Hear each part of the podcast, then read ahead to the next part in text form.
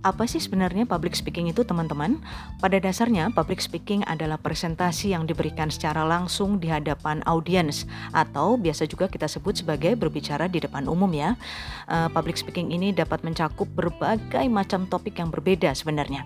Tujuannya bisa untuk mendidik, kemudian juga bisa untuk menghibur atau bahkan mempengaruhi audiens.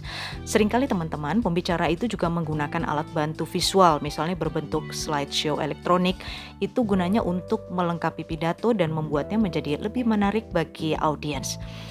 Presentasi berbicara di depan umum itu berbeda ya dengan presentasi online karena presentasi online itu dapat dilihat dan atau didengarkan sesuai keinginan audiens. Sedangkan pidato publik atau public speaking biasanya dibatasi pada waktu atau tempat tertentu.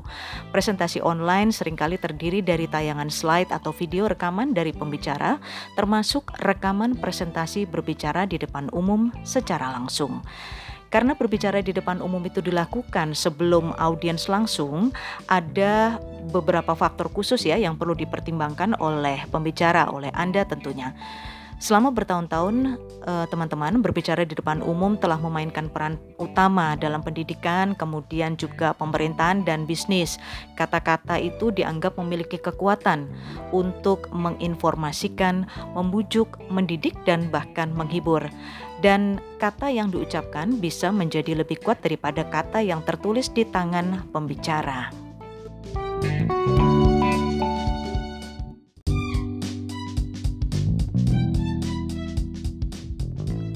Nah, teman-teman, apa sih benefit atau manfaatnya kalau kita menguasai public speaking? Jadi gini ya teman-teman, baik Anda itu hanya seorang pebisnis atau pelajar atau Anda hanya adalah seorang yang bersemangat untuk belajar atau bersemangat tentang sesuatu, Anda tentu saya yakin deh akan mendapatkan keuntungan jika Anda meningkatkan kemampuan keterampilan berbicara di depan umum, baik secara pribadi maupun profesional. Profesional lebih baik ya. Karena apa? Dengan mempelajari dan menguasai public speaking itu manfaatnya banyak. Antara lain adalah membangun dan meningkatkan kepercayaan diri, kemudian membuat orang senang, kemudian mempengaruhi orang lain, meningkatkan kualitas diri, membuat dan melatih kita untuk berpikir kritis, kemudian juga bisa untuk meningkatkan kemampuan leadership dan banyak lagi. Nah, teman-teman berbicara di depan umum itu sangat penting untuk bisnis karena e, mereka orang-orang bisnis itu memiliki kebutuhan untuk menyampaikan pesan kepada pelanggan potensial dan memasarkan bisnis mereka. Untuk Anda yang bertugas sebagai staf penjualan dan juga mungkin eksekutif, sering kali diharapkan malah memiliki keterampilan berbicara di depan umum yang baik loh.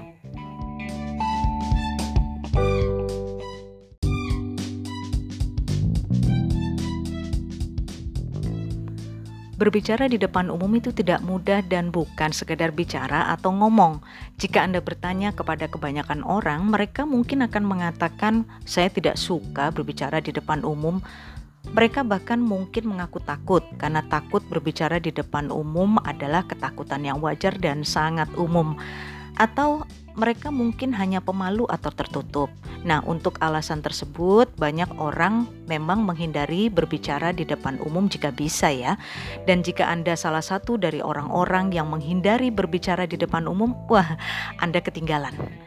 Oke, sekarang setelah Anda memahami manfaat berbicara di depan umum seperti yang saya bilang tadi, Anda mungkin akan sedikit lebih tertarik ya, saya harap begitu.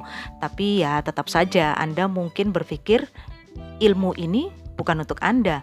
Mungkin Anda pernah memberikan pidato sekali dan tidak berjalan dengan baik. Mungkin Anda takut bicara di depan umum, atau mungkin Anda berpikir Anda tidak memiliki kemampuan alami untuk memberikan pidato. Yang benar, teman-teman, berbicara di depan umum itu adalah sebuah keterampilan dan bisa dipelajari.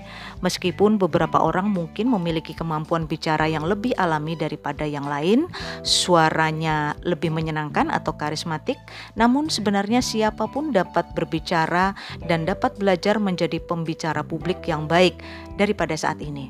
Nah, ini hanya membutuhkan sedikit pengetahuan dan usaha serta keterampilan dan latihan. thank you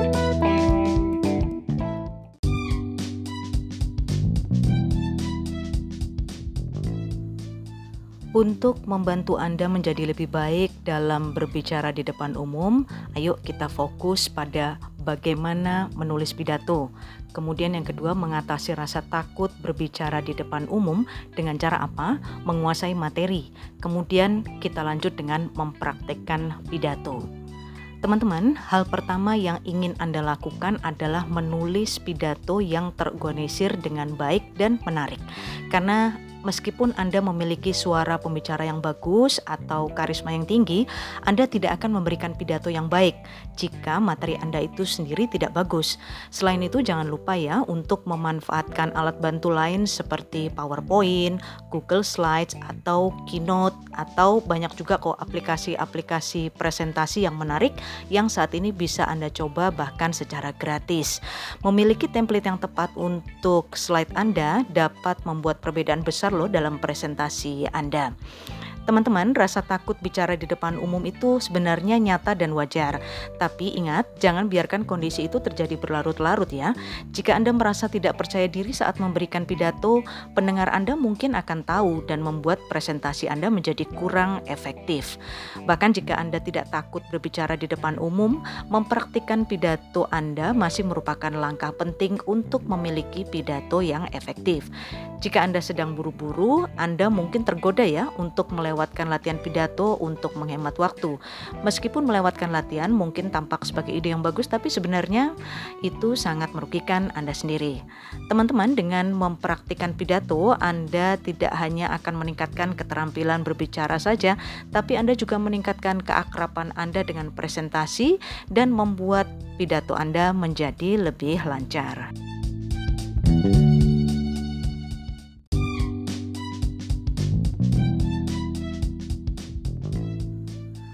Tak kenal maka tak sayang kata orang. Bagaimana sih memahami dan memberikan apa yang audiens inginkan sementara Anda tidak mengenal siapa mereka? Ketika Anda tidak tahu sudut pandang apa yang mereka gunakan ketika mendengarkan Anda, proses komunikasi ini tidak akan terjalin. Anda kesulitan untuk menyambungkan diri dengan mereka, dan mereka, para audiens itu, juga kesulitan untuk memahami Anda. Akhirnya gimana nih teman-teman? Semua berujung pada frustrasi ya. Anda frustrasi karena tidak bisa membuat mereka mengerti dan mereka pun frustrasi karena kesulitan memahami Anda. Sebaliknya, jika Anda mengenal audiens dengan baik, teman-teman, maka presentasi yang Anda bawakan menjadi lebih mudah karena Anda tahu betul apa yang mereka inginkan. Anda dapat menentukan mana informasi yang harus disampaikan dan mana yang tidak perlu. Meyakinkan audiens pun menjadi jauh lebih mudah karena Anda mengerti faktor apa yang mempengaruhi mereka dalam mengambil tindakan. Ini ada beberapa hal yang perlu Anda ketahui ya dari audiens. Misalnya pengetahuan sederhana atau pertanyaan seperti ini nih. Siapa sih nama audiens yang akan hadir? Mungkin tidak semua Anda harus hafal namanya, tapi setidaknya satu dua orang cukup sebagai modal uh, public speaking Anda. Kemudian posisi mereka dalam organisasi atau event yang Anda undang ini sebagai apa? Kemudian apa latar belakang pendidikan atau pekerjaan mereka atau apa yang sekarang sedang mereka kerjakan? Terus sejauh mana tingkat pengetahuan mereka terhadap topik yang akan Anda sampaikan. Bagaimana sih gaya belajar mereka? Kemudian apa sih sebenarnya yang mereka suka untuk didengar atau apa yang mereka tidak suka? Kemudian sebenarnya tujuan apa atau tujuan mereka mendengarkan presentasi Anda itu sebenarnya tujuannya untuk apa? Ini yang paling penting saya pikir. Dan mengapa mereka perlu mendengarkan Anda? Selanjutnya teman-teman, percayalah pada kemampuan Anda. Anggap saja semua yang hadir itu di depan Anda benar-benar memerlukan Anda dan Anda lebih tahu daripada mereka semua sehingga rasa, percaya diri Anda akan muncul ya. Dan yang terakhir jangan lupa untuk menebar pesona lewat opening yang menarik. Pilih kata dan kalimat pembuka yang menarik dan opening presentasi yang menarik.